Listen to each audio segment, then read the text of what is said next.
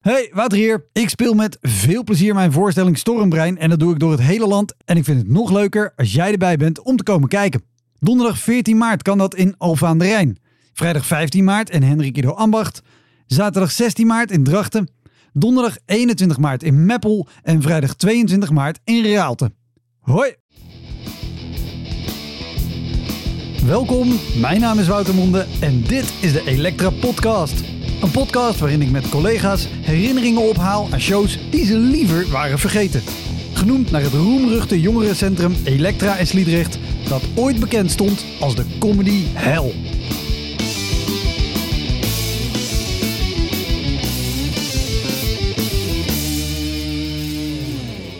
Deze keer is Tim Kamps te gast, regisseur. Of we hadden te rare acts of zo. Waardoor toch iets ontstond. Dat, dat er een soort haat ontstond in het publiek. Zo, zo gemeenschappelijke haat naar ons toe. Tim was jarenlang cabaretier. Eerst met de groep Rooijakkers, Kamps en Kamps, waarmee ze in 1998 het Amsterdams Kleinkunstfestival wonnen in een ongelooflijk sterke finale. Wie daar nog in meededen hoor je later in deze aflevering. En toen Bor Rooijakkers stopte, gingen Tim en zijn broer Wart door als Kamps en Kamps. Tussen 2009 en 2012 vormde hij samen met Arjen Lubach het Monica da Silva trio. Later ging Tim schrijven en regisseren. Onder andere de roman De Verschrikkelijke Jaren 80 en de verfilming tot tv-serie daarvan werd door hem zelf geregisseerd. Onlangs was hij ook nog regisseur van een seizoen van Sluipschutters, het sketchprogramma van Jochen Otte, Leo Alkemade, Bas Hoeflaak en Ronald Goedemond. Bij deze aflevering is speciaal voor de crewmembers nog een korte bonusaflevering. Wil jij ook crewmember worden? Dat kan al vanaf 2,50 per maand. Regel het op elektrapodcast.nl. Heel veel plezier. Dit is de Elektra Podcast met Tim Kamps.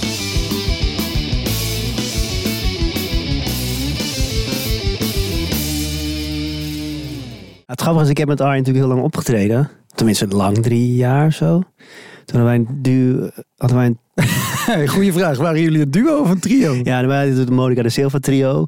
Het idee was dan uh, dat Monica ermee gestopt was en wij waren dan doorgegaan als, als achtergrondzangers en gitaristen. En dan, uh, en dan zongen we ook een nummer van haar, dat heette dan Philip Frerex, Ik ben je bitch niet. Dat had zij dan geschreven ooit. En maar wij deden dat dan wel nog steeds, omdat het natuurlijk een hit was geweest. Ja. Dus dat ging dan over dat zij een relatie had met Philip Frerex en dat hij... Uh, best wel abusive was, zeg maar. dat zongen wij dan, dus het sloeg nergens op. Maar, maar we hadden toen in Beatles bij onze... Uh, we hebben toen drie keer op de parade gespeeld. Drie jaar. En toen hebben we ook al een avondvullende show gemaakt op een gegeven moment. Ik zit te denken of er nou twee avonden... Ja, een avondvullende show. En die begon met een filmpje. En dan voelden we al aan het... Het filmpje was natuurlijk altijd hetzelfde, zeg maar. Mhm. En dan voelden we aan het filmpje van... Dan hoorde je dus... Dan keek je dat filmpje en dan hoorde je iets aan de zaal. De reactie, dan wist je al... Oh ja, want dat filmpje is hetzelfde. Dus dan wist je dat dit ligt aan het publiek. Dit kan niet door ons Ja. komen of door hoe wij, hoe wij in ons vel zitten of zo. Dus dan wist je, oh ja, dit is zo'n zaal of, of, of een mindere zaal. Dat is grappig dat Ja. je inderdaad ook nog gewoon het objectief Ja, want hebt. Omdat je weet, het ligt niet aan hoe wij net misschien een verkeerde Precies. blik of net een houding. net een verkeerde taak. Want mensen zeggen altijd, het ligt nooit aan de zaal. Hè? Dat was vroeger altijd, tenminste, dat- werd altijd tegen mij gezegd. Toen Hooguit aan de mensen die erin zitten. Ja, precies. ja. Maar ik dacht altijd, ja, het ligt dus wel vaak aan de zaal, zeg maar. En, en we- we- weet je nog een, een voorbeeld te herinneren dat het filmpje speelde en jullie in de coulissen stonden en elkaar aankeken Ja, van heel vaak. holy shit, dit wordt een Dit wordt pittig, ja. En dan gingen we net bijvoorbeeld, dan dachten we van, oké, wat is dan het... Want vaak is het natuurlijk van, ga je dan juist meer geven of ga je eens een beetje terugleunen, zodat het publiek naar jou toe komt dat je denkt van... Dus dat is ook altijd een beetje, een- maar dan gingen we wel proberen dan dat om te toveren, zeg maar, tot een leuke avond. En was dat, was dat meer met de, met de solo-shows of met de parade? Nee, de parade was altijd helemaal los, zeg maar. Dus daar had iedereen eh, natuurlijk ook wel een drankje op en zo. En dat was, Want dat is een, een, wel een lossere setting en een Ja. drankje, en, maar wel volgens mij qua omstandigheden. ja, wel moeilijk, heel veel lawaai. Want dan sta je in een, in een tent. En Ja, zo'n tentdoek houdt wel- weinig tegen. Nee, precies. En wij maakten ook wel lawaai hoor. Dus wij hadden wel harde muziek dan, zeg maar. Dus, eh, want Arjen maakt ook van die beats en zo. En dan, dus, dus nee, ehm, nee, op het praten was altijd leuker, zeg maar. Dan wisten we al, dat gaat elke voorstelling wel los. Maar in de, in de, als je dan in provincie kwam met dezelfde show, dan dacht je echt... oké, we, zijn dom of zo. Weet je wel? Daar haat hij jezelf ook echt. Dus dat was elke keer wel- weer spannend. Op een gegeven moment hadden we daar ook wel genoeg van. Dat je dacht van, ja jezus, dan zit ik in, in, de, op de, in Amsterdam, zit het dan vol, weet je wel. In een kleine comedie of zo, dan was dat helemaal bomvol. En dan kom je ergens in, eh, weet ik veel, in uh, Roelof. En dan zitten de, ja, met alle respect, tien bejaarden en eh, twee kinderen. En dan denk je echt wel, ja, dat is echt wel moeilijk, zeg maar. Ja, heb, heb je overigens, eh, of met Arjen of met eh, de groep die ervoor had, wel eens in Splots gestaan? In, in de... JC Splots? Ja. Ja, wat is het ook weer? Ja, Ja, ja, wat is het ook weer? Jongerencentrum Splots Ja, in oh. Arendsveen. Dat, misschien moet ik daar En dat, dat is volgens mij, iedereen heeft daar wel gestaan, want ze waren heel actief. Ja. En ook altijd heel welwillende vrijwilligers. Ik weet het vooral altijd te herinneren, omdat ik ooit op het podium opmerkte dat het in de wc tochtte door de wasbak. Echt een lach van herkenning kwam dat iedereen zich af had gevraagd hoe dat in vredesnaam kon. wat grappig. Oh ja. Maar het is, ik, de, de keren dat ik er gespeeld heb, vond ik het heel leuk. Maar dat is wel zo'n plek. Het is een hele grote parkeerplaats en er staat een onwijs ja. hufterproof gebouw. Dat Ja. is het. Ja. En wa- wat grappig. nou, ik kan me ook nog wel herinneren, toen, want wij zijn begonnen inderdaad als trio, Royakers, Kamps en Kamps. En we waren best wel anarch, ja, anarchistisch, een beetje absurdistisch cabaret, zeg maar. En Mhm. het was in de tijd dat cabaret heel populair was. Echt veel populairder dan nu eigenlijk. Je hoefde maar ergens cabaret op te plakken, zeg maar. Dat was, weet je, begin 2000. En het was uitverkocht, zeg maar. Dus mensen kwamen niet speciaal voor jou. En dat was dus het moeilijke er ook gelijk aan. Omdat ze, dus, ze kwamen dus om te lachen. Ze kwamen voor cabaret. En dan, en dan kwamen wij dus met een soort, ja, ze wisten niet wie wij waren. Dus dan hadden we bijvoorbeeld een scène dat we dan, eh, eh, begonnen dan met een scène waarin we tien minuten lang hebben jullie de zin in riepen. Of tenminste, mijn broertje deed, deed dat. Hebben jullie de zin in? En dan ging maar door, zeg maar. Tot op een gegeven moment iedereen zei ja. Weet je wel. Ik wil deze kant van de zaal houden. En die zeiden ja. ha. Dus dat was, dit moet je maar net leuk vinden, zeg maar. Maar als je dan inderdaad zo, een of andere, ja, dan waren we dan heel veel bejaarden zitten of zo, dan, dan was het echt zo van, dan gingen mensen echt in drommen, liepen ze zeg maar weg. Oh, En dan was je dan net begonnen, zeg maar. Dan liepen er echt 50 bejaarden weg. En dat was aan de ene kant was het ook wel zo van, oké, we brengen iets teweeg of zo. maar aan de andere kant was het ook... Niet per se wat je teweeg wil nee, brengen. nee, precies. Aan de andere kant was het ook van, oké, gooien we nu onze eigen, eigen ruit in. Terwijl als we dat dan weer in, in de provincie deden van Amsterdam... Of nee, als we dat dan in Amsterdam deden... Dan was, ging het helemaal los. Ja. Of we deden het op Lowlands. En op een gegeven moment eh de, de, dus hebben die er zin in. En dat ging dan een half uur lang. Namen die, wat ook wel weer grappig was. Ging het publiek maar door met wij hebben er zin in, zeg maar. Dat was dan, dat was dan de show op een gegeven moment. Ik zit me heel erg hard af te vragen, maar van alle keren dat ik ooit op Lowlands ben geweest, en dat is best vaak, maar dat was in de periode dat ik nog heel veel blode en dronk. Maar ik zit nu af te vragen of ik daarbij ben geweest. ja, Het zou zomaar kunnen, want dat heeft heel lang geduurd. ja, dat was heel lang. Dat was, want op, wij, op een ik gegeven denk moment... dat ik daarbij ben geweest. De grap van de act was natuurlijk dat wij... Kom op, kom op met het, dat het stil viel. En dat wij dan doorgingen van... Kom op, kom op. En dan mensen echt dat irritant begonnen te vinden. Dat was een heel grappige soort wisselwerking. Maar bij Lowlands was het de enige keer dat zij... Dat ze maar doorgingen. Dat wij op een gegeven moment... Dat wij zeiden van... Ja, oké. Ik, ik, het is wel klaar. We weten... Ik- jullie hebben de zin. ja, als ik, ja, als ik me inderdaad goed herinner dat ik erbij was, Oh, kan ik me herinneren dat jullie inderdaad op een gegeven moment een beetje verloren stonden. Ja. Maar, maar nu willen we gewoon de show gaan doen. Dat is een beetje een foutje toen ook weer. Ja, en dan kom je ook niet meer overheen, zeg maar. Daarna, zeg maar. Nee. Dus dat was... eh, Maar het, is, het, het leuke is wel, als er iets gebeurt, in ieder geval voor het publiek, het is... Je wil natuurlijk altijd op het podium dat het voelt als een unieke avond met Ja. dit kan alleen maar nu hier vanavond. Dat was ultiem dat gevoel. Ja. Dit gebeurt hier nu en we doen dit met z'n allen. Ja, ja precies. En dat was, dat was het begin van onze carrière. Tenminste, we hadden ook, ja, we hadden allemaal van die acts die dan net, waar, we dan, waar je net mee publiek misschien soms ook een beetje de verkeerde kant op drukte, zeg maar. Qua, en, en wij dachten van, ja, dit is tof, want dit is nog nooit gedaan en zo. En, maar vaak heeft het ons ook wel tegengewerkt, zeg maar. Dat het echt, eh, dat het fout ging daardoor. Of dat mensen juist eh, ons begonnen te haten. En ik zag ook het publiek, zeg maar, in het begin ook heel erg als het, ik moet het publiek, het publiek haat mij, zeg maar. Dat is de insteek van deze avond. Ja? En ik moet ze ervan overtuigen dat, ik, dat het wel leuk zijn, zeg maar.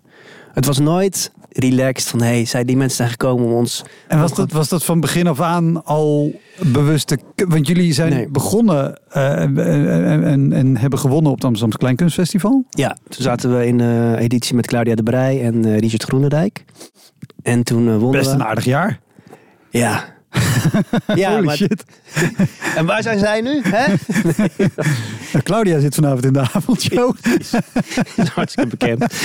maar waar zijn wij eigenlijk? Richard Groenendijk slaapt op een podium 300 Ja, avonden per jaar. Nee, dat was wel interessant, want wij, wij waren toen, eh, wij waren toen, ik wist eigenlijk helemaal niet wat cabaret was. Ik was, ik was best wel, we waren toen twintig. En eh, dus het was voor ons best wel nieuw of zo. Waardoor we wat ongedwongen op het podium stonden, zeg maar. En op die avond was iedereen op een of andere manier heel erg zenuwachtig. En wij ook wel hoor, maar op een of andere manier waren we zo los. Dat we op die manier die, eh, dat, eh, die avond... eh, ja, het was ook wel origineel wat we deden Ja. op dat moment, zeg maar. Dus dat was heel grappig dat we dat wonnen. En toen... Wa- Want, want, want ik ben we- wel benieuwd, zeker als je vertelt wat voor act jullie deden. En ik kan me ook de scène herinneren met dingen. Ja, Dat een soort van die drijfstaren waren voor in een, in een zwembad volgens mij. Ja, dat waren grote schuimrubberen dingen. En daar sloegen we ook het publiek mee. En dat is ook heel vaak fout gegaan. Want ik weet nog, ik weet nog wel dat wij... Dat was in... eh, dat theater bestaat niet meer. In IJmuiden, het Witte Theater. Daar sloeg ik iemand zijn bril eh, van zijn hoofd af op de eerste rij. En die man die bleef zo... Die heel veel op de grond, zeg maar. En die man bleef zo zitten zo. Zo, die bleef zo naar mij kijken. Zo van, oké, raad maar op. En ik dacht... Ja, dat was heel. Dus dat soort momenten waren ook wel. Dat was ook wel heftig, zeg maar. Dat was Ja? echt- ja, dan moet je maar net leuk vinden als publiek dat je geslagen wordt ineens door zo'n ding. Ja, wij vonden het dan heel grappig om te doen, natuurlijk. En het was ook heel grappig. Most of the time, zeg maar. Ja, Ja. Maar, want, want nog, ik denk, ik had dit niet eens eh, verwacht. Maar dit, dit is ook al een scène die volgens mij ook in de opzet al heel lang duurde. Ja, Want jullie stonden alleen met, en volgens mij zaten er ook nog sneetjes in, zodat ze een heel klein mondje hadden. ja precies. zetten, dit, ja. zijn onze dingen. Ja. Maar waar, waar en dat vroeg ik me af, Het bij het beetje Amsterdamse. Kleinkunstfestival, daar heb je natuurlijk, dan, eh, daar doe je aan mee, je wordt geselecteerd. En dan heb je eerst al een try-out Oh, tour. ja, ja, ja. Weet je, ik kan me voor, want jullie hebben een aantal programma's gespeeld. Na een paar programma's komen mensen denk ik ook wel gewoon omdat ze jullie kennen en enigszins weten wat ze konden verwachten. duurde wel lang. Ja, dat duurde wel lang hoor. Maar Ja, maar de- helemaal in het begin met zo'n try-out ja, tour. dan ben je echt. Zeker bij Amsterdams Kleinkunstfestival. Daar gaan mensen heen omdat ze mooi cabaret met liedjes verwachten. Nou, dan krijgen ze Richard en Claudia. Precies wat ze willen. Ja, En dan krijgen ze drie gasten die dit soort dingen ja. doen. Ja, dat was wel, eh, dat was wel pittig. Maar dat was ook... Nou, ik weet nog wel dat wij dachten van... Oké, als we maar die, eh, try- als we maar die try-out eh, tour inkomen... Dan, eh, dan hebben we gewonnen al, zeg maar. en wij dachten op het begin... Wij zijn een trio voor de glimlach. dachten wij nog. Weet ik nog. Ja, maar dat zei, dat is toch ook leuk? Je kan toch ook gewoon glimlachen om eh, dingen. Het hoeft niet allemaal elkaar te lachen, zeg maar. Maar toen kwamen we dus achter... Dat als we dat soort dingen deden... En dan in, in de goede zaal, zeg maar... Dan werd er dus keihard gelachen, zeg maar. En dan ging het echt helemaal los. Dan waren mensen ook niet gewend of zo. Dus dat was ook de verrassing. En de originaliteit of zo. Wat, wat ons toen begon ook te, te drijven, zeg maar. Om, eh, dus dat was wel heel grappig, ja. Maar hoe, hoe, hoe ging dat? Want je bedenkt, oké, we gaan voor de glimlach. Je ontdekt, er kan ook hard gelachen worden. Ja. Maar met zo'n try-out heb je volgens mij toch ook zalen ertussen... dat gewoon vooral de abonnementhouders komen... omdat ze denken, we krijgen nu mooi cabaret. En dan bij jullie denken, dit is niet waarvoor we Ja, kwamen. we- heel vaak. En zeker toen we, toen we hadden gewonnen. Want dan krijg je daarna krijg je dan zo'n zo'n winnaarstournee. Of zo'n eh finalistentour. tour. Ja. En dan moet je dus als laatste. Ja. En dan was het best wel kut om naar Claudia Richard te gaan. Want die hadden de zaal wel los. En dan kwamen wij nog als laatste. En dan had iedereen zo van, wat de fuck is dit? nee, dan dan was het zo van, waarom hebben deze gewonnen? En niet die andere, zeg maar. Dat, was- dat, was, helemaal, dat was natuurlijk helemaal kut. Maakt dat ook dat je dan na verloop van tijd zo'n houding ontwikkelt met oké, het publiek haat ons en we gaan proberen ze echt heel erg voor ons te winnen, want dat zat er Ja. niet van meet af aan in, zei je? Nee, maar dat was. Dat was. eh, dat is. Ja, dat is op een gegeven moment ook een beetje mijn ding geweest. Dat ik dat. Ik, dat ik vond dat heel moeilijk, zeg maar, om te beseffen van. Oké, deze mensen komen ook gewoon voor een leuke avond. Die willen in principe niet mij haten, toch? Nee, die, vinden, die willen mij leuk vinden, zeg maar, toch? Dat is waarom Ja. ze een oppas regelen en parkeergeld betalen. En, eh, Dus heel vaak deed ik, deed ik, als ik het erop terugkijk, denk ik, deed ik iets. Of ik ging te, te hard mijn best doen. Of ik ging, weet je wel, te, of we hadden te rare acts of zo. Waardoor toch iets ontstond dat, dat er een soort haat ontstond in het publiek. Zo, zo gemeenschappelijke haat naar ons toe. en dat was niet altijd zo hoor. Dat- Ik bedoel, dat was ook... En, sorry, ik onderbreek je even. Maar als, als jij zegt we voelden haat, is het dan dat jullie voelden dat het, dat het aanvoelde als haat? Of had Ja. je het idee dat het publiek ook echt gewoon... Pas er 50 man wegloopt, dan weet je wel vrij zeker, die Ja, hebben er geen zin in. haat, ja, nou, soms is het ook inderdaad wat je, je, je bent natuurlijk heel onzeker. Ik weet niet dat ik in die tijd best onzeker was. Dus het is het ook een soort, eh, ja, je weet het niet zeker natuurlijk. Maar als, als mensen, weet je, als ze een jury doen, zeg maar. Is het dan haat of is het dan... Ik vatte dat heel erg op van, oké, deze vrouw vindt mij nu echt verschrikkelijk. Ja, Maar het kan ook gewoon dat je iets flauw vindt of eh, en je even niet kan inhouden dat je het doet of zo. Dus eh, ja, dat is wel ingewikkeld. Het heeft heel lang geduurd voordat ik dacht, oké, eh, laten we gewoon leuk, eh, weet je wel, iets leuk, ja, een beetje terughangen of zo. En dan gewoon gezellig samen deze avond maken of zo. Het, is, het was een heel erg lange gevecht. En dat was wel, dat was wel vermoeiend op een gegeven moment. En dat zorgde ook heel vaak voor ja, mensen die opstonden en tegen ons begonnen te schreeuwen en zo. Want we hadden, ik weet nog wel dat wij een act hadden, die had Alex Klaassen geschreven. Het kon, kon ineens zelf wat doen. En dat was wij, wij, wij hadden een voorstelling dat we deden als we geboren waren op het podium. En hadden we een flatje op het podium staan en daar woonden we dan in. En dan had je flashbacks waarin je kleine kinderen hoorde die dan op het podium waren met hun moeder. En die moeder was overleden. En wij waren dan nog wij achtergebleven op het podium in een flatje. En dan eh, lag die moeder lag begraven onder de balletvloer. En dan zongen we op een gegeven moment het nummer voor haar. Of ze al ontbonden was. Ja, dat- maar goed, toen dus heel vaak mensen op die dan net iemand verloren waren. En die dan ons dat heel erg kwalijk namen dat wij daar op dat Ja. moment... Ja, dat was, wel, eh, dat was wel pittig. En dan bleven die echt wel gewoon doen. Dat was ook wel... En die gingen dan echt tegen ons schreeuwen. Uh, geboefte, ik kan me nog herinneren. geboefte. Ja, geboefte was in, eh, in Assen was dat. Die liepen zo weg. Geboefte, schofte. En ik zo, wat is er nou? Maar ik snapte het eerst niet natuurlijk. Ik dacht, wat is er nou toch aan de hand? Maar toen hoorden we er achteraf dat zij dan een... eh, ook dat hij dan zijn vrouw was verloren of zo. En dat hij, dat, dat hij dus dacht dat wij daarna refereerden of zo. Ja, nou ja, het- kan met Of- zoiets inderdaad dat het opeens heel erg dichtbij komt. Ja, tuurlijk, maar ja. Maar dat soort dingen maakten, ja, daar maakten we wel veel mee of zo. Dat was wel... eh, Geboefte. Weet je nog andere dingen die mensen ooit, eh, niet per se bij deze scène, maar ge- geroepen of geschreeuwd eh, hebben? Nou, ik kan me nog herinneren dat met die dingen, dat wij dit, met die dingen iemand sloegen. En dat, we, dat er een bejaarde man op zo, dat hij in zijn zak iets probeerde te pakken. Ja, ik dacht dan gelijk, dit is een gun of zo. en die probeerde dan eh, op te staan en die, die, wilde ons een echte lijf gaan, zeg maar, op het podium. Omdat we natuurlijk geslagen hadden met zo'n ding. Het, was- voor de, ja, het waren hele zachte dingen. Dat was helemaal niet... ja, ik vind de zin zo grappig. Omdat we hem natuurlijk geslagen hadden met zo'n ding. Ja, Ja, dat, dan begrijp ik dat mensen boos worden. Ja, maar ik zit even te denken, ja. Nou, we hadden bijvoorbeeld, eh, wat, ehm, we hadden bijvoorbeeld ook een act. Dan gingen wij het publiek, dat was in onze eerste show, dan gingen we een namenrondje doen. Dus dan deden we zo van, hoi, wij zijn eh Rurkers, Kams en Kams. Ik ben Tim, ik ben Wart. Nou, dan gaan we even het rijtje af. Dat was natuurlijk heel grappig, omdat het vaak een hele grote zaal was met, volle, met helemaal volle bak. Ja. Ja, dat deden we dan. En dan stond er zat eh, Chantal. Ja. En dan was het Henk of zo. En ehm, soms was het ook gewoon, dan deden we, dat kwam heel vaak voor van, ja, nee, daar heb ik geen zin in. Wij zeiden, oké.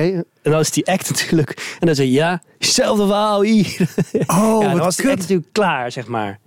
Dus dan was het zo van, oké. Dus we waren ook wel afhankelijk van het publiek. Wat grappig, want Ja. nu je het vertelt, kan ik me deze scène weer herinneren. Vooral door de eh, ja, Ja, precies, ja. steeds ertussen. Maar als mensen dan zo niet mee gaan doen... en inderdaad, als er eentje zegt ik doe niet mee... dan is de drempel voor de volgende... Precies, Maar dan- dan, steken ze elkaar aan. En dan is het zo van, De, nou, de, de dikke stok tussen je spaken. wij gaan niet meewerken aan jullie publieksparticipatie. En dan moet je, ja, dan is het zo van, dan kijk je elkaar aan en denk je, oké, eh, nou dan gaan we door naar de volgende scène. Oké, en dan gaan we door en dan, ja, dat is toch best wel ingewikkeld. Ja, dat is super kut. Ik, wil, ik heb eh, in, eh, uiteraard ook interactie in wat ik doe. Alleen A, ik, kan, ik hoef niet het rijtje af. Dus ik kan sowieso kiezen dat ik denk, nou, die ga ik niet aanspreken, die Nee, wel. precies, ja, ja. En als iemand een antwoord geeft waar ik niks mee kan, kan ik, omdat ik in mijn eentje ben... en het over het algemeen toch een bruggetje is naar een ander onderwerp... Zo, kan je daar veel makkelijker omheen fietsen of wat mee doen. Ja, en dit was, bij heel- was het echt in de vaste ramien. Dus je kon ook niet, je kon niet improviseren. Je was echt heel erg afhankelijk van, de, van hoe, ja, hoe iemand reageerde, zeg maar. Dus dat was wel ingewikkeld. Ehm, Maar ik weet nog nog dat ik met Arjen had ik ook een nummer dat we op beginnend publiek. Dan moest iedereen gaan staan. En dan, zei, dan zongen we van. Als, je, als, als het niet meer op jou slaat, moet je gaan zitten. En dan zongen we iets van. eh, ik kom uit Herderveen en ik eh, weet ik veel, ik heb een stoma of zo. En dan gingen heel veel mensen zitten natuurlijk. Dat was dan het voorbeeldje. En dan daarna gingen we dat iedereen, eh, dat op een gegeven moment iedereen zat, zeg maar. Maar soms dan wilden mensen ook gewoon niet opstaan, zeg maar. Dus dan was het ook gelijk klaar. Nee, we gaan niet. Weet je, dan wilden ze gewoon niet meedoen. En dan was het ook gewoon, dan was je gewoon klaar. Ja, dan moest je gewoon die scène overslaan, zeg maar. Dus dat was best wel. eh, Kan jij daar eh, makkelijk mee, mee omgaan? Want als, als ik kijk hoe, ik- hoe ik het zelf zou hebben. Weet je, dan, je hebt iets bedacht en het is leuk. En je weet van andere zalen dat het gewoon echt een leuk ding is. En dat het goed werkt. En dan zit er zo'n zeiker tussen die nee, ik ga niet meedoen. Dus je toch ook, terwijl je moet op het podium dan ook nog wel, of in ieder geval dat doe ik. Wil je toch ook gewoon een beetje vriendelijk blijven? Je kan Ja, niet ja. schoolmeester. Nee, we gaan allemaal meedoen. Nee, dat vond ik wel wat moeilijk, ja. Maar dan probeer je natuurlijk een soort pokerface, of tenminste een vriendelijk gezicht op te zetten. Oké, nou dan is het, eh, ja, als jullie dat niet willen, dan is het helemaal prima. Maar ondertussen denk je, god, ja, what the fuck, denk je dan. Ja, doe, doe gewoon. Maar ja, als ik, dan, als ik aan mezelf denk in een, po of in een zaal, dan zou ik het ook misschien wel irritant vinden dat ik iets moet doen of zo. Ik dacht later van, oh ja, dat- moet ik nu gaan opstaan? ja, ik snap het wel, dat Ja. je het irritant vindt. Nou ja, Nee, maar ik heb zelf als ik in de zaal zit, dan wil ik ook helemaal niet. Ik wil ook niet. Ik heb geen zin om te klappen. Of ik, als ik dan drie gasten, drie jonge gasten van twintig dan tegen mij roepen van, eh, hebben jullie zin in? En dan denk ik ook, ja. Ik snap het heel erg goed, zeg maar. Maar op dat moment was het wel lastig natuurlijk. Ja. En, en want zeker als je zegt drie jonge gasten van 20.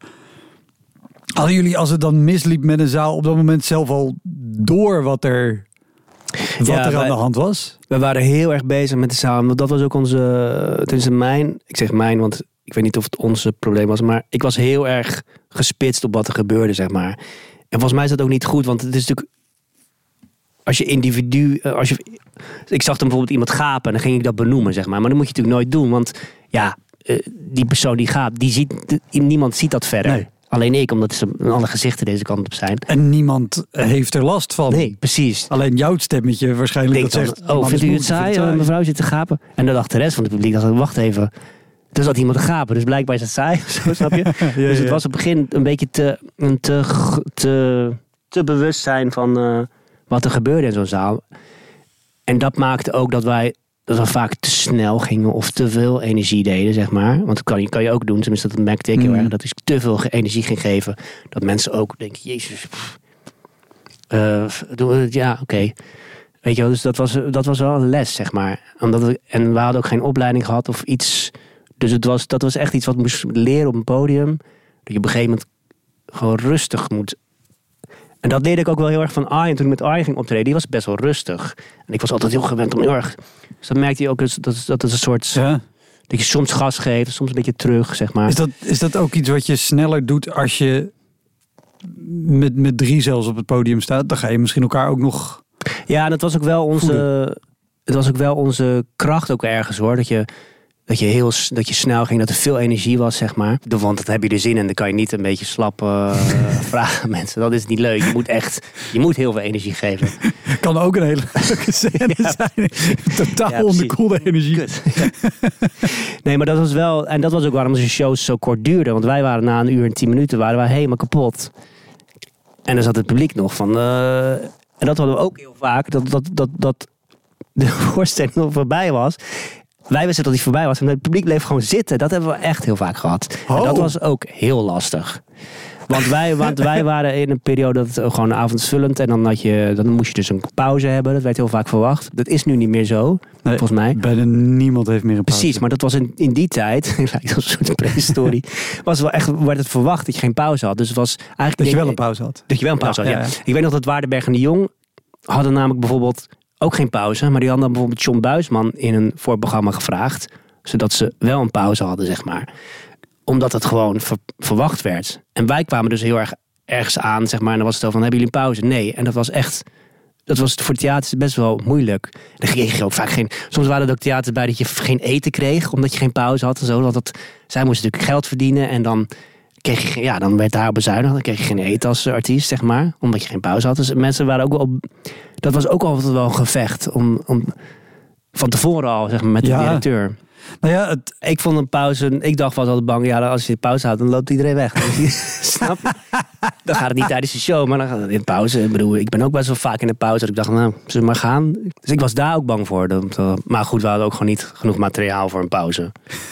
dus dat was ook vaak dat je mensen blijven zitten. En dan moesten we zeg maar, dus dan was het applaus geweest. En dachten mensen, oké, eh, is het nu, wat is het nu, pauze? Of moeten we... En dan moesten we dus opkomen en dan moesten ze dus zeggen...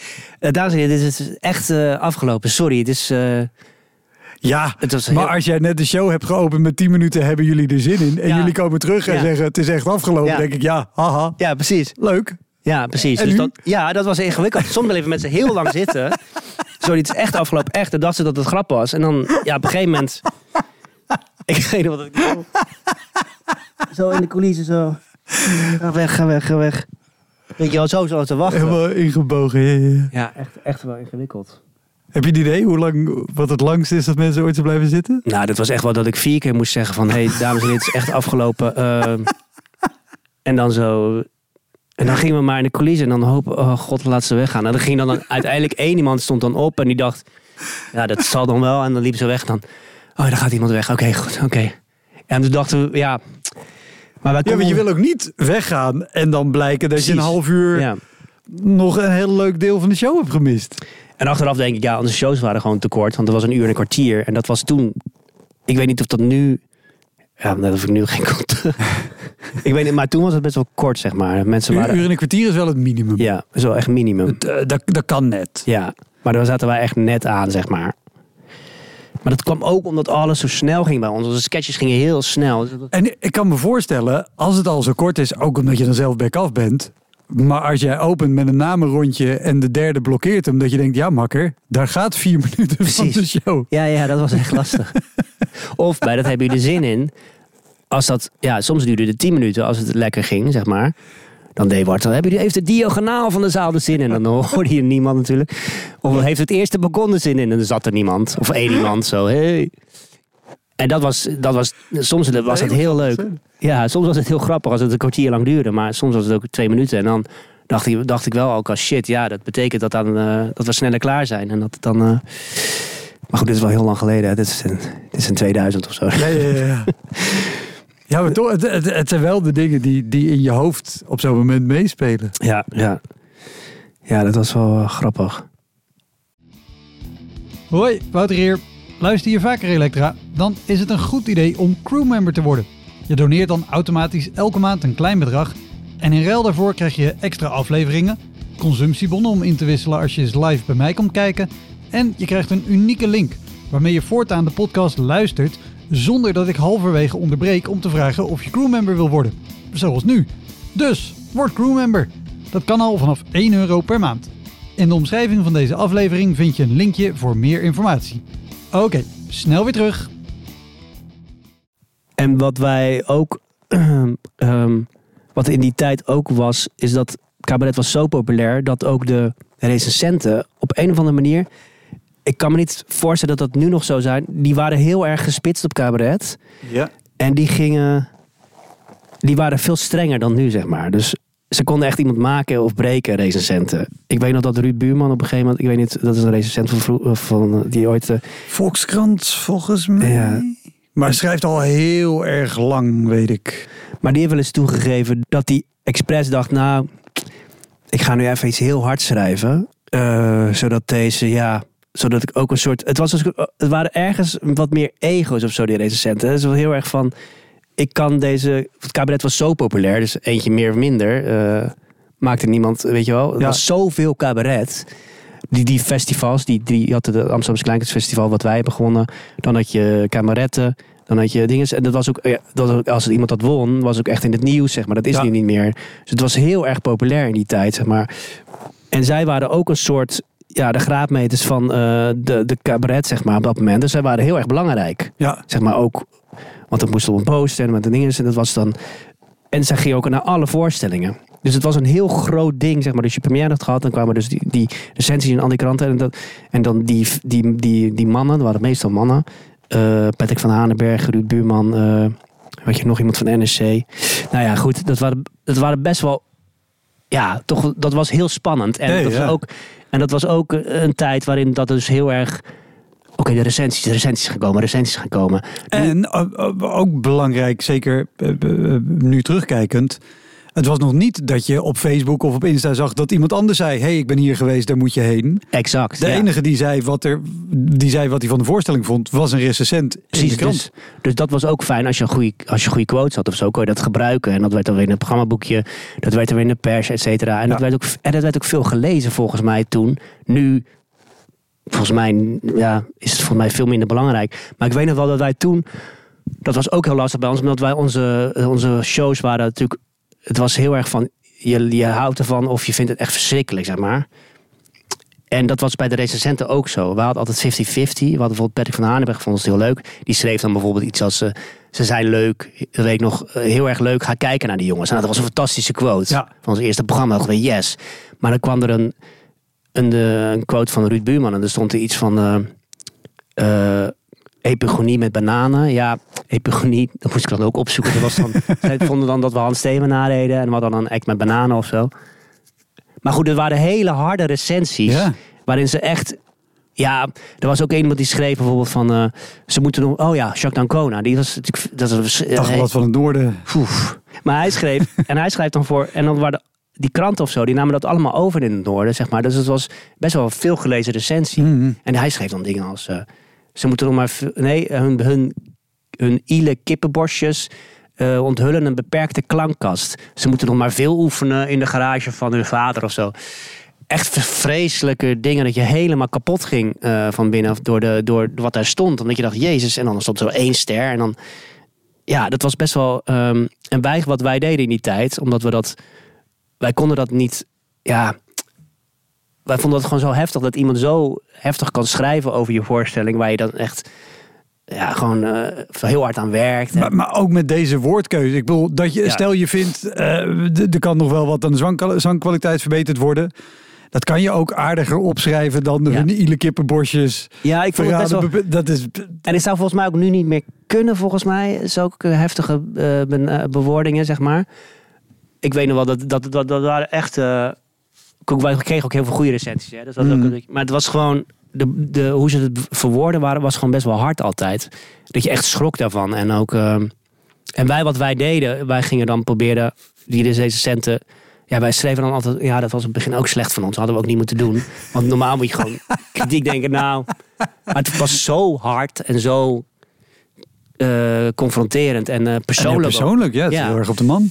Dat wij gingen brieven schrijven naar de krant om die recensenten dan in discrediet te brengen. Omdat wij dachten van dit kan niet. Je kan niet. Dus dan gingen we eens even van, eh, eh, we hadden een keer een rec- re- een recensie. Ja, dat was, die, dat was in het eh, Dordrecht Dagblad of zo. Die schreef dan inderdaad, ze moeten nog maar flink oefenen in de, in de garage van hun vader. En dan gingen wij een brief sturen van, hey, dit kan je niet maken, onze vader is overleden. Dat was niet zo. Om die persoon kapot te maken. Maar ja, dat lukte dan, dat lukte dan natuurlijk nooit. Dus eh, uiteindelijk hebben we dat ook ver- eh, afgeleerd. Maar het is wel z- zijn, die, zijn die ook wel eens gepubliceerd? Want dat is dan voor een brievenrubriek, neem ik aan. Nee, dat sturen we dan naar de eindredactie. Ja, ja. Omdat we dachten, maar je weet ook niet of het gelezen werd door iemand eigenlijk. dus, ik- dus dat was, maar goed, dat, eh, dat was gewoon heel. ehm, ja, wij zagen dat ook weer als een gevecht, zeg maar, snap je? Ja. Dus eh, ja, en nu, ik denk ook. Maar goed, het was ook om een tijd dat het heel. Dat het was zo populair. En die, reces, die recensies, inderdaad, wat je zei, die waren zo belangrijk of zo. Veel, eh, heel anders dan nu. Want nu, als ik nu het op zou optreden, dan zou een recensie krijgen, zou ik zeggen, nou, ik hoef hem niet eens te lezen, bij van spreken. Want ja, het is één mening. En, eh, maar toen was het, maakte, het, maakte dat heel groot, zeg maar. Ja. Zo. Nou ja, ze zijn nog steeds wel belangrijk. Want Ja? het- vooral, denk ik, binnen het wereldje wordt het natuurlijk wel gelezen. Ja, Ik denk dat gewoon publiek... ja. Ja, Nee. En ik heb ook, als ik een slechte recensie lees, dan denk ik niet... Oh, die voorstelling zal wel helemaal kut zijn, ik ga er niet mee heen. Ik denk dan, oké, ik ga wel, ik ga toch wel even zelf... Of als ik erheen wil, ga ik er toch wel heen. ja. Zeg maar, het is niet dat ik dan denk, die persoon is, is slecht, zeg Nee. maar. En dat vond ik toen... toen luisterde de recensie wel anders. Dan dacht je van, oh ja, deze persoon is heel slecht. Maar goed, ja. Maar lijkt me wel lekker eh, als je zo'n slechte recensie krijgt... dat je dan met z'n drieën bent. En niet in je eentje. Ja, dat lijkt me helemaal de hel. Nee, want dat lijkt me voor jou wel... Heb je wel net slechte recensies? eh? de, de recensies die ik tot nu toe heb gehad waren gelukkig positief. Ja. Eh, maar natuurlijk heb je wel op een andere, ander vlak of commentaar achteraf of een, een juryrapport of bij festivals waar ik aan meedeed en de finale niet haalde. Nou, dat komt net zo heftig binnen denk ik als een, als een recensie die je echt helemaal eh, bij je voeten afbrandt. Ja, daar kan je wel met je partner en met vrienden en weet ik, over praten. Maar niemand... Jij hebt in dat geval twee mensen die exact hetzelfde doen als jij en hetzelfde erbij voelen, denk ik. Of in ieder Zeker. geval Ja, en daarom zou ik ook nooit in mijn eentje kunnen optreden. Ik denk dat ik dat gewoon niet aan zou kunnen. Want ik denk dat je toch... Het is zo'n ding, zeg maar, het is zoiets wat je zelf gemaakt hebt. Het komt zo uit jezelf of zo. Ja, En als dan iemand die je niet kent... gewoon zwart op wit zegt... eh, dit is slecht, zeg maar. Dat is, ja, dat is gewoon heel moeilijk om te verwerken. Tenminste, dat vond ik altijd... Zeker in, in de bewoordingen... Ik vond het toen wel echt harder dan nu. In die tijd, zeg maar, dan, dan was het heel moeilijk om te verwerken. En dat was inderdaad, inderdaad fijn dat je iemand anders... eh, of twee andere jongens had die dat ook eh, nou ja, maar die hetzelfde mee, letterlijk mee hebben gemaakt. Ja. En dus ook dezelfde kritiek voor gekiezen kregen. Ja, precies. En dan kon je dat samen nog eh, een soort strijd. Maar dat was ook, wij gingen dan die strijd aan, zeg maar, om de mensen een brief te sturen. Maar goed, dan kon je het inderdaad samen een beetje verwerken. Ja. Ja, grappig. En ik denk dat jullie dan nogmaals zo hebben. Ik zie het een enkele keer gebeuren dat iemand dus op social media gaat reageren op, een- op een slechte Oh, ja. dat, Wat als ik, ik vind het ook heel gênant als ik eraan terugdenk. Wat toch ik echt theaterhandboek, hoofdstuk recensies, les 1. Niet op reageren, niet in discussie gaan. Maar ja, eh, dat is Ik toch ook... snap het gevoel. Precies, het is hartstikke lastig. Want iemand Ja. schrijft gewoon iets heel gemeens eigenlijk. Of het nou waar is of niet. Ik bedoel, eh, ja. En dan moet je dan maar stil over zijn. Is gewoon, eigenlijk is het gewoon heel weird natuurlijk. En daar was er wel één, eh, dat was één recensent, Henk van Gelder. Die vond ik altijd wel goed. Ja, Ik weet niet of hij nog steeds schrijft, maar... En want die, die deed heel erg objectief. Die schreef dan heel erg van... Oké, ik vond het niet zo leuk. De zaal ging wel helemaal los en er werd heel hard gelachen. Maar ik vond het niet leuk, daarom, daarom, daarom, daarom. ja. En dat vond ik gewoon heel chill. Omdat ik dacht, oké, deze man is, die vindt, is gewoon niet zijn ding. Maar die geeft, wel, die geeft wel aan dat er dus andere mensen zijn die het wel leuk vinden. ja, ja. Sommige recensies waren gewoon alsof die avond niet leuk was geweest. En dat, terwijl je dacht, ik ben er toch bij. Ik, Ja. ik, mensen hebben keihard En, en je laat heel erg de keuze bij iemand zelf. Want iemand Ja, kan dit ook lezen eh, en denken, nou ja, ja. dat hij dat die, die Claudia en die Richard ervoor met die liedjes geweldig vond, dat is niet mijn ding. Maar die drie gasten, dat klinkt wel lachen. ja, precies. Of dus andersom. Ja. Dus dat vond ik fijn aan hem. Dat hij, en, dan, en ik wist ook altijd, want hij was, wij hebben vijf programma's gemaakt. Tenminste met Royal Gams Gams. En ik wist ook altijd dat die recensie gaat sowieso slecht zijn van de NRC. Maar ik, ik vond dat niet erg, omdat ik dacht, oké, hij, hij heeft tenminste die objectieve, of Ja. tenminste, nou ja, zo'n wat chillere manier van schrijven. En niet zo op de man af, zeg maar. En gewoon acknowledge dat, dat dus de rest van de zaal, of sommige mensen in ieder geval, het wel heel leuk vonden, zeg maar. Ja, en dan ontstaat in ieder geval niet het beeld. Iedereen vond het volledig kut Precies, en ja. iedereen is weggelopen. Ja. Het waren er maar 50. Ja, precies. ja, mee. Het was wel de helft van de zaal. Niet, niet iedereen. Wat, ja. wat is het grootste hoeveelheid mensen, denk je, die ooit is weggelopen? Ehm, nou, ik, wij, ik, wij hebben... Dat weet ik nog heel goed, want dat was, een heel, dat was al een, eh, een moment geweest waarop ik dacht, ik moet niet meer gaan optreden. Dat was... We, hadden, wij waren met z'n drieën eerst, Reukers, Kams, Kams. Toen gingen Ja. we, Boor stopte ermee en toen ging ik met mijn broertje nog twee voorstellingen maken. En toen ging wij een derde voorstelling maken en dat twijfelde ik al over van, kunnen we dat nog? Want het was ook wel een beetje klaar. Het is natuurlijk een, wij maakten een soort bepaald cabaret wat, wat wel moeilijk was om te verzinnen, zeg maar, omdat het echt nergens over ging. En, ehm, En ook vond- wel heel erg op de dynamiek zat tussen jullie drieën. ja, precies. Dus het was wat dat betreft ook wel. Maar op het einde van ons met z'n drieën waren, was Boor een beetje, toch een beetje. We waren een beetje aan elkaar gegroeid, zeg maar. Dus daarmee gingen we nog met z'n tweeën verder. En toen waren we ehm, in Enschede, weet ik nog goed. Dat was een voorstelling. En we hadden een try-out. Ehm, en wij deden een act op het begin. En we hadden een act genomen van vroeger. Omdat ik dacht, een try-out is altijd wel fijn om te beginnen met een wat eh, gewoon een, een scène waarvan je weet, die werkt sowieso. Ja. Elke show begonnen we dan daarmee. Dan heb je het publiek, weet je wel, dan weet iedereen, oké, dit is leuk. Dan nemen ze dat een beetje mee. En dan kan je daarna misschien nog een slechtere act doen. Stiekem. En je doet het voor het publiek, maar doe je dat ook niet enigszins voor jezelf? Ja. Ja, precies. Dat je een beetje lekker erin Ja. komt. En dat je weet, kijk, ik heb in ieder geval een begin wat werkt. En dan daarna zien we wel. En dan, eh, Maar goed, dit begin, dat was ook weer iets met publieksparticipatie. Ik weet niet meer precies. Maar daar wilden ze niet aan meewerken. Dus die moesten we ook weer overslaan. Zoiets was het. Dus ik dacht, en het was. ehm, dus ik dacht, oké. oh, dit wordt wel heel moeilijk. Want zelfs die scène die heel goed was en altijd werkte. Die werkte, die ging dan fout. En, de, de- En dat de- aan het begin van je try-out. Precies, en de rest, de, slechte dingen moesten nog komen, zeg maar. dus dan kijk ik, oké, oké. En toen, eh, wat er toen gebeurde was, is dat er was een, ja, soms heb je van die zalen en dan zitten mensen echt, nou, bij wijze van spreken bij die koffer daar, dus dan echt, zitten echt Ja, eh, eh, vijf meter tussen. ja, ja, ja. Dan heb je een podium, hoog podium, en dan vijf meter en dan pas een zaal. En dat is gewoon niet, bijvoorbeeld zo'n kleine comedie zitten mensen lekker echt wel. Je wil ze zo dichtbij mogelijk. Ja, ja. heel graag. Maar soms zitten ze heel ver weg, waardoor je, en dat is meestal ergens in, in Enschede dan. En, en, en, en kan je voor iemand die luistert en denkt, eh, en zeker als het iemand is die wel eens wat organiseert, uitleggen waarom, waarom het zo belangrijk is dat ze gewoon lekker dichtbij zitten en niet zo ver af? Ja, het, eh, nou ja, het, is, het schept natuurlijk letterlijk een afstand. Het is echt een barrière. En wat, het, wat er ook moeilijk aan was, je, je, ges- je hebt die lampen in je gezicht, zeg maar. Dus je ziet het publiek. Ja, je ziet het alleen de eerste twee rijen, drie rijen, misschien zo half, zeg maar. En nu zie je dus eerst een heel zwart gat. En daarna zitten daar ergens. Ja, in de verte zitten dan een Ja, paar ja, ja. mensen die je denkt. Eh, waar zitten ze? Hoe, wie zijn ze? Hoe zien ze eruit? Je weet het allemaal niet, zeg maar. Nee. Dus het maakt je contact met de zaal. eh, Gewoon echt En, niet. en het glimlachen, wat je eerder zei, wat aanvankelijk het hoogste doel was. ja. Maar zelfs dat kan je al niet meer waarnemen. En het is, eh, ja, het is gewoon echt. Ja, het voelt gewoon heel erg. ja, je staat gewoon heel ver af. En dan ook nog eens verhoog. Dat staat dan ook nog eens. Ja. eh, maar goed, D- daar waren jullie. Eh, Ja. Dat was de afstand. ja, precies. En dan was er achter in de zaal was een deur. En, en eh, toen waren we dus bezig. En toen begonnen er drie mensen weg te lopen. En die deur maakte elke keer heel hard lawaai als iemand was weggelopen. Dat was echt zo. kadoef. En dat was een hele grote hal. Dus het galmde heel erg. dus ik zo. Dus ik zo dus de eerste keer gebeurde dat. We waren bezig in een, met een slechte act. Ik bedoel, dat geef ik wel toe. Het was, het niet, het was, nog niet, het was gewoon een try-out. Ja. En toen liep ik met z'n weg. Nou goed, oké, dan gebeurt dat één keer. En dan denk ik, oké, oh, oh oké. Eerst, ja, je moet, het toch, je moet er toch wel mee. Want je voelt ook in de zaal natuurlijk aan de mensen. Oké, loop mensen weg. Ja. Er gebeurt iets, zeg maar.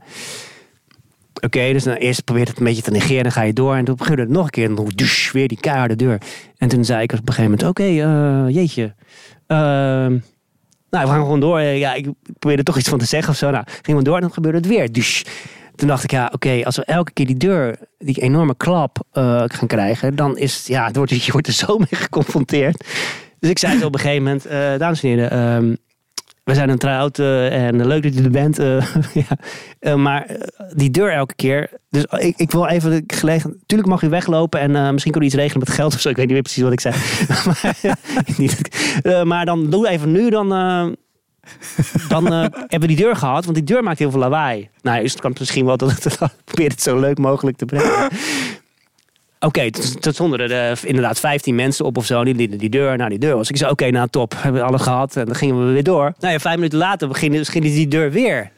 En toen dacht ik van, ja, maar ik heb het net gezegd. Toen dacht nou oké, ik negeer het weer de eerste keer. Eh, en toen gebeurde het weer. En toen zei ik op een gegeven moment, nou, dames en heren, ik heb, ja, sorry, maar ik heb net gezegd van, eh, als ik nu, gaan we even, doe maar even. En dan, eh, weet je wel, ga maar weg. En dan, ja. ja. Ja, pak dan je moment.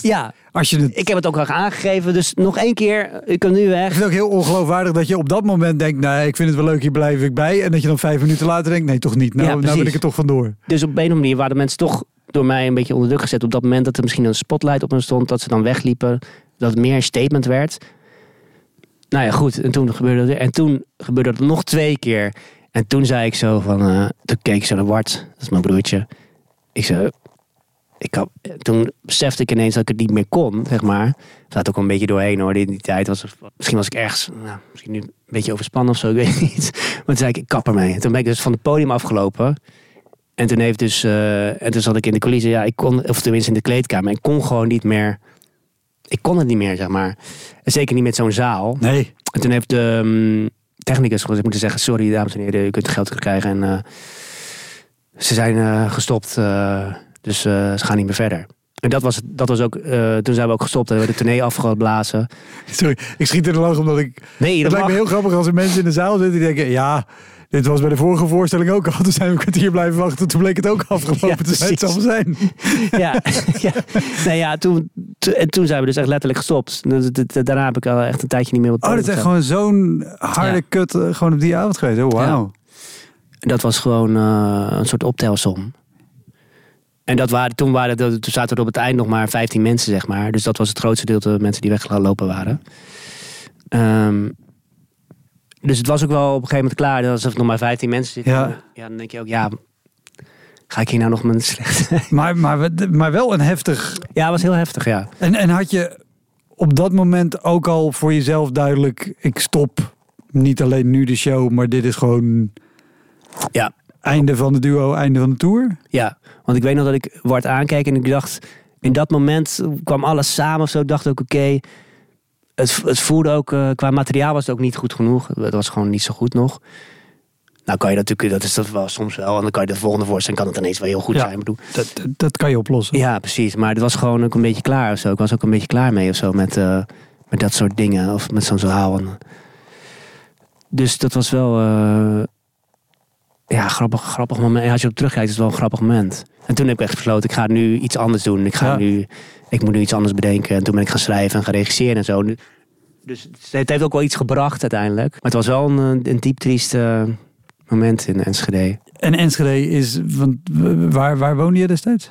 In Rotterdam. Dan is Enschede een hele lange terugrit. Ja. Ja. Ja, dat was En, wel, en, en zat, zat Wart op hetzelfde punt, zeg maar? Of? Nou, ik weet nog wel dat Wart mij zo verbaasd aankeek. Maar ik weet wel dat hij ook blij ermee was dat ik het zei. Op een moment. Want hij wilde gewoon doorgaan. En, maar ik weet denk dat het wel een goede beslissing was op dat moment, zeg maar. Maar hij vond het ook wel... hij dacht ook... Hij ging er dus als laatste af. Want ik was al weggelopen. En hij zo... Oké, ehm, ook Hebben jullie er zin in? ja, precies. ja, dus ja, goed, dat was wel. ehm, ja. Maar goed, daarna zijn we wel weer, hebben we nog wel een soort. ehm, met z'n drie opgetreden. En ik heb nog daarna ook met Arjen opgetreden nog wel. Ja. Dus het was niet het einde van, eh, van alles, maar. Nee, maar ik kan- ik kan me wel voorstellen op zo'n moment, zeker als je dus vijf shows met z'n drie hebt gemaakt, dan nog twee met z'n tweeën. Ja. En zo jong ook nog bent begonnen. ja, we waren al natuurlijk best wel lang bezig toen. We waren wel, eh, Want ik kan me ook voorstellen, als je dan zegt, nou ik trek de stekker eruit, voelt ook wel misschien heel definitief, zo, oké, maar Ja. wat, wat nu dan? Ja, zeker. Dat was het En- eigenlijk het enige en- wat we... Ik weet niet hoe, maar met hoe populair het was, eh cabaret in het algemeen, maar ook bij jullie, want je- gaat niet zo lang door als er niemand op afkomt. Nee. dan trek je dus ook de stekker eruit voor een deel voor je impresariaat of voor een technicus. Of er zijn nog allemaal andere dingen die dan daar ook weer mee samenhangen. Ja, dat was wel een eh, hele heftige beslissing. En ook naar het impresariaat. ehm, wat ook wel eh, pittig was om af te zeggen, ja, zeg maar. Die vonden dat ook wel moeilijk. Ik, weet, nou, ik heb ook het gevoel dat je toen eigenlijk geen optredens kon afzeggen eigenlijk in die tijd. Want ik weet nog wel dat ik echt... eh, ik was op een gegeven moment had ik te veel... Toen was ik 23 of zo, had ik de avond ervoor te veel gedronken of zo. Toen was ik echt, echt ziek, zeg maar. Maar ik moest, ik moest optreden. Ik kon niet, ik belde aan het impresariaat. Zei, ik kan niet, als ik opsta moet ik overgeven. Ik kan niet meer, eh, ik, kan niet, ik kan niet optreden. Dat was een beetje mijn eigen schuld natuurlijk. En dan moest hij toch eh, gaan, zeg maar. En dan stond je gewoon, ik weet nog dat, dat, dan, dat ik dan van tevoren stond over te geven. Dan ging ik op en dan was het zo, eh, en heb je er zin in bij van spreken. En dan tussen de acts door weer en dan weer op, zeg maar. Dan, ja, ik kan me dat nu niet echt niet voorstellen dat je dat doet. Toch? Ja. Dus er waren best wel, de impresariaat was ook wel hard, maar je moet, je gaat gewoon. Ja. Ik ga het niet afzeggen, doei. Ik ga niet eh 500 mensen afbellen, toedeledokie. Nee, ja, zeker niet als er zoveel mensen zitten. Maar Nee. dan nog, ja, show afzeggen. Volgens mij is er niemand die, die dit doet, in, in wat voor discipline dan ook, Hè? die heel lichtvoetig een show afzegt. Nee, natuurlijk niet, nee. Maar ik heb wel het gevoel dat het toen... Ik voelde, ja, we konden niet, niet eens makkelijk afzeggen, zeg maar. En dat moet je ook niet doen, natuurlijk. natuurlijk niet. En zeker niet als je belt zegt, ik heb een kater. Ik kan me voorstellen dat het impresariaat dan zegt, ja, Nee, nee, nee. Maar dat, ik zei niet dat ik... Ik zei gewoon, ik ben ziek, ik heb buikgriep. ik zei, ja, We hadden het er van tevoren ook heel kort over. Ik hoorde de laatste podcast. Daar was jij te gast bij eh Roos Slikker en Malou Holshuizen. Bij Oh ja, Dit ja, komt nooit ja. meer goed. Waar je ook vertelde, eh, je hebt heel lang eh, een eh, darmaandoening eh, gehad. Maar dat speelde ook tijdens uh, Royakkers Kamps en Kamps. Waar je ook behoorlijk ziek van was en, Ja. en heftige behandelingen. Ja, dat klopt. Ik was denk ik vanaf mijn 24ste tot mijn 30ste echt heel ernstig ziek, zeg maar. En dat was ook tijdens die tour tournees. Dus het was heel pittig. Dan had ik ook... Ja, ik zal de details ook niet... eh, maar dan moest je tijdens de, we- tijdens de, tijdens de. Moet je Die emmer was er sowieso, zeg maar. nou ja, ik deed dat, dat deed, ik had het, ik voelde het niet aankomen, dus ik had geen emmer of zo. Maar wel dat ik af en toe zei, oké jongens, eh, ik moet, eh, ja, ik, en dan liep, rende ik snel eh, naar het toilet, zeg maar. Maar echt tijdens de show. Ja, echt tijdens de show vaak, zeg maar. En dan eh stond de boor, ik weet niet wat ze toen gedaan hebben eigenlijk. maar dat is wel een paar keer voorgekomen dat ik dan snel, eh, omdat ik zo ziek was en dat je dat gewoon niet, ja, kon eh, tegenhouden. Ja, dan moest je wel. zeg Nee, maar. ja. Dat was ook wel een pittige periode. Maar het grappige was op een of andere manier de, de stress, of ik wil niet zeggen stress, de zenuwachtigheid van optreden Mhm. of de kracht die je daarvoor nodig hebt, zorgt ook wel dat die ziekte wat soms in de tijd dat ik optrad wat minder werd. En dan als het zomer was of als, het- als we Ja. vakantie hadden, dan... Nou ja, de, Dus- het fenomeen heet in het Engels stage health. Oh ja, Waarbij je dus eh, bij ziekte gedurende de tijd dat je op het podium staat genoeg adrenaline in je lijf hebt. dat is het. Die Ja. onderdrukt dat. Ja. En dan daarna, of dus na zo'n periode, dan, dan komt het weer omhoog. Maar ja. Dus dat, was, dat heeft, het wel, heeft me ook wel eh, gered in, of zo in die tijd, zeg maar. Buiten het feit dat het heel pittig was. Ja. Als ik optredens nu terugkijk, is er nog een stukje op YouTube ook dat ik een liedje aan het zingen. Maar dan zie ik wel echt, dan zie ik wel echt die, eh, die ziekte, zeg maar. Dat is ook wel, ook wel confronterend. Dat ik denk, oké, dat was wel. Het kost al veel energie en dat heeft me toch wel. eh, ja, En ik kan me voorstellen dat het ook nog gewoon... Zeker, weet je, als je dan ergens aankomt bij een zaal waarvan je maar af moet wachten wat voor publiek er zit. Of dat gewoon publiek is wat echt voor jullie komt. Of omdat jullie eh, optreden nummer 5 in de cabaret-serie zijn. Ja. Nee, maar je snapt ik bedoel, toch? Dat, eh, dat, je, dat je die spanning al hebt, maar je hebt dit er ook nog bij. Ja. Dan ga je niet echt ontspannen het podium op. Nee, dit was al eh, dat was een pittige, pittige tijd. Aan de andere kant, eh, ja, was het ook. eh, ja, wat ik net zei, het heeft me ook wel. Het, het, het had ook afleiding, zeg maar. Het zorgt, het zorgt dat je er even niet aan denkt of zo, zeg maar. Ja. Dus dat helpt ook wel weer wel. Het was een soort beetje dubbel. Maar het was wel pittig, ja. ja. Ah, in de podcast. Wil je nog meer van Tim horen? Bij deze aflevering is speciaal voor crewmembers nog een korte bonusaflevering. Crewmember worden kan al vanaf 2,50 per maand. Regel het nu op elektrapodcast.nl. Dat was hem, de Elektra Podcast. Meer informatie over mijn gast van vandaag en linkjes naar van alles en nog wat vind je in de omschrijving van deze aflevering. Er staan ongelooflijk veel afleveringen online van Elektra. En op elektrapodcast.nl kan je makkelijk zoeken op de naam van jouw favoriete comedians en cabaretiers. Je kan daar ook eenmalig doneren of crewmember worden. Als crewmember betaal je maandelijks een klein bedrag, maar dan krijg je ook nog eens bonusmateriaal. Je luistert voortaan zonder onderbrekingen en je krijgt consumptiebonnen die je kan inleveren bij een show van mij. Ik vind het sowieso te gek als je een keer komt kijken bij mij. Dus ga naar woutermonde.nl, daar zie je precies waar en wanneer ik optreed. Of meld je aan voor de nieuwsbrief, dan hou ik je op die manier op de hoogte. En dan nog iets, elke vrijdagmorgen doe ik een column op radiostation Kink. Je kan die column terugluisteren als podcast. Hij heet Kink op de Week en je vindt hem in de app waar je ook deze podcast luistert. Oké, tot de volgende Elektra. Hoi!